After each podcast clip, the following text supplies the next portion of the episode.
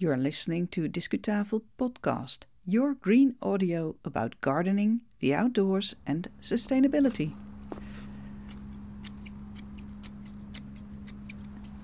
Hey, hello! You found me in my Dutch city garden, and I've just clipped a few plants which were growing over my garden path. And I noticed a ladybird on one of the clippings. And uh, since almost all bugs are welcome in my garden, I've put the tiny creature back on the plant again, of course. Well, it's time for a podcast episode about bugs in the garden.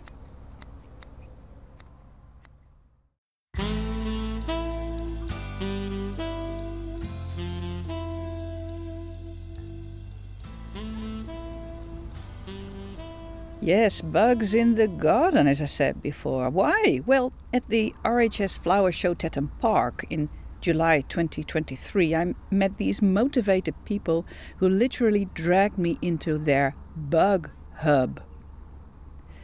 Hello, this is episode 147 of Discutafel podcast, and I'm pleased to have you as a listener.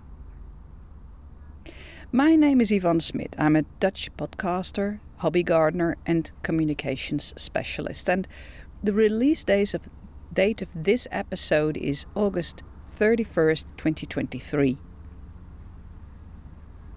Please listen now to my Discu talk with Dr. Barbara Tigar. She is a senior lecturer in environmental biology and ecology, and she's also a course leader at the University of Central Lancashire in Preston.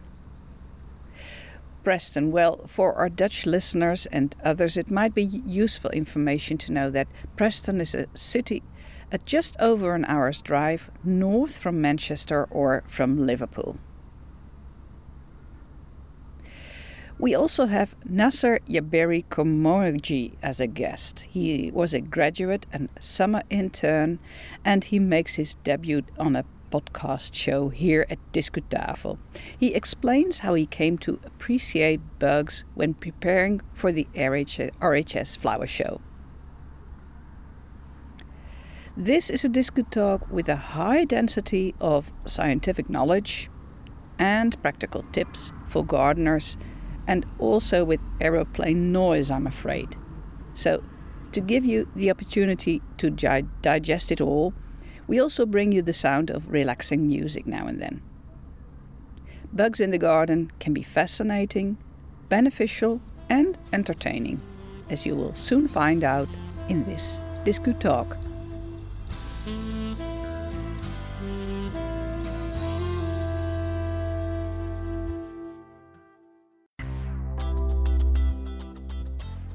Discu Talk.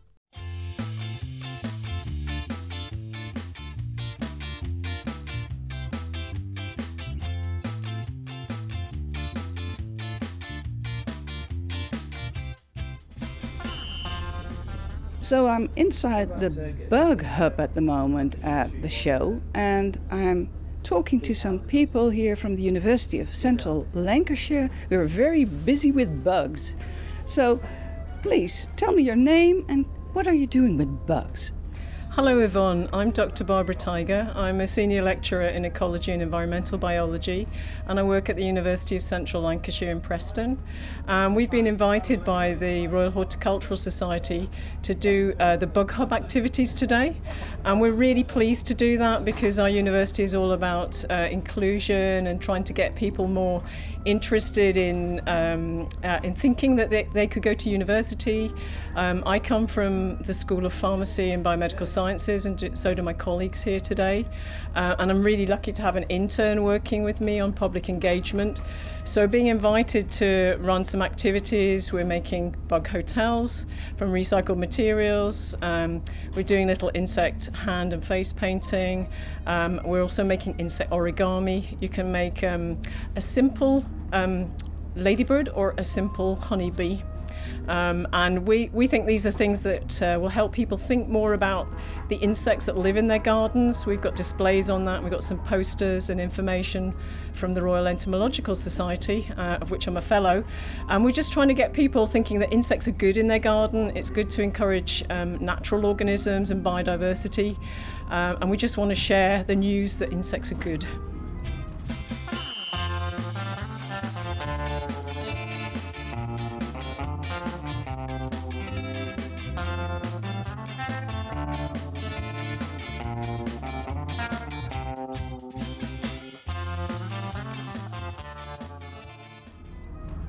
Right, great. Is it still um, a necessity to share this knowledge with people? I mean, um, the RHS says a lot about ecological gardening, but um, are there still people who don't want any bugs in their gardens?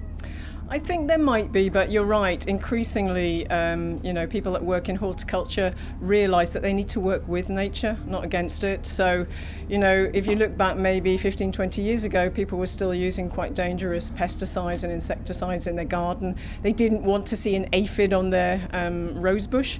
But now I think people realise that actually, if they can encourage uh, the natural enemies of aphids, so things like ladybirds, to live in their gardens, that actually they can get some sort of balance it's not about being in control, it's about living with nature.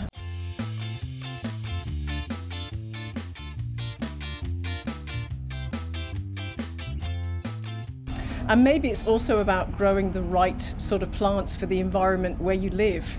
If you're trying to grow things that are you know, um, not adapted to the conditions where you live, that's going to be difficult for them and it's going to be difficult for you. You're going to have to do lots of interventions. So, more about having native species in your garden, native plants, um, and thinking about providing the, the really interesting thing with insects is their life cycles.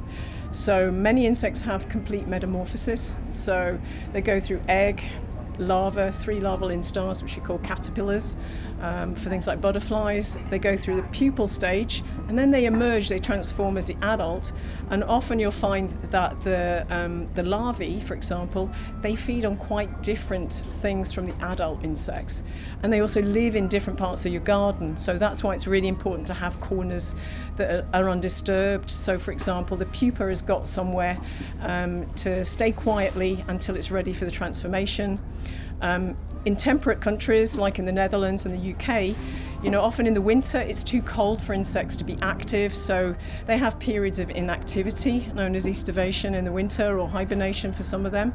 And it's really important to have those um, little, maybe undisturbed bits of your garden. So, encouraging things like bug hotels, log piles, things like that can be really, really helpful.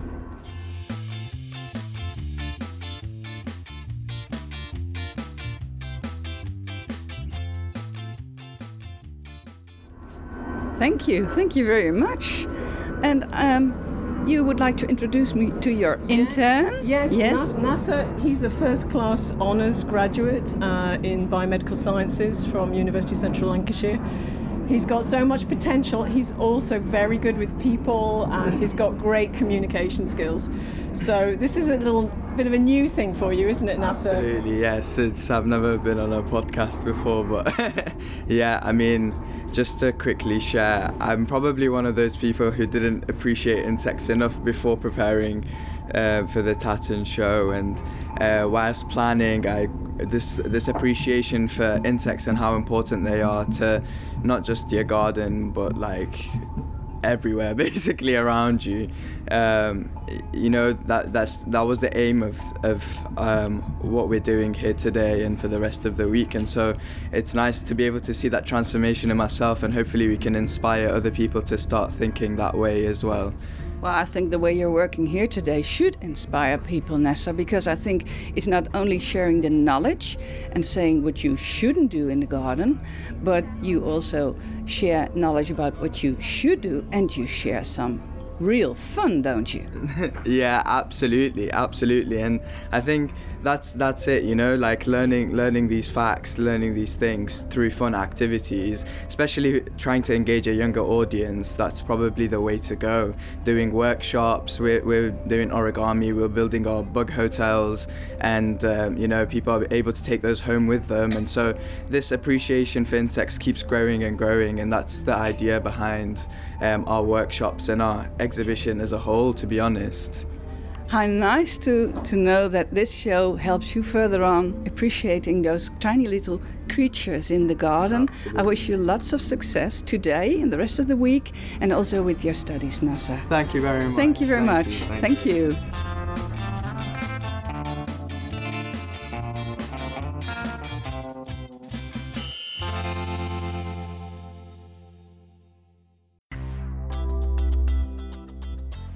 Discu finish. Well, here we leave RHS Flower Show Tatton Park for the moment, and we're back in my Dutch city garden. But you can expect some more attention to this wonderful show later on this year or next year. We'll see. Thanks to Dr. Barbara Tigar and intern Naser Jaberi Khormooji of the School of Pharmacy and Biomedical Sciences at the University of Central Lancaster. I especially liked the things Barbara said about some aspects of the insect's life cycle, aspects which you could consider when designing your bug friendly garden. Barbara also happens to be the regional representative for the Royal Entomological Society, and in the show note you'll find a link to some of their good advice about how to garden in a sustainable way that encourages insects and other wildlife. This recording took place on the first day of the RHS Flower Show Tatton Park 2023 in July. And Dr. Tigar told me later the Bug Hub went really well. They had at least 100 visitors a day, mainly families or grandparents and teachers. They made hundreds of bug hotels and origami insects. As always, you can find more info in the show note, which accompanies the Discutafel podcast episode you're listening to. Just go to discutafel.nl, which has info in Dutch and in English. You might like to receive our newsletter, Discupost, or chat with us on Twitter, or X as it's called nowadays, or just send us an email. You will always receive our reply. I'd love to hear from you since the microphone doesn't talk back. Thank you for listening. We will be back in September. Date and subject are not known yet. It might be an episode in Dutch. If this language is like abacadabra to you, please stay tuned because we certainly will release more podcasts in English soon. In the meantime, let's go outside. And until next time.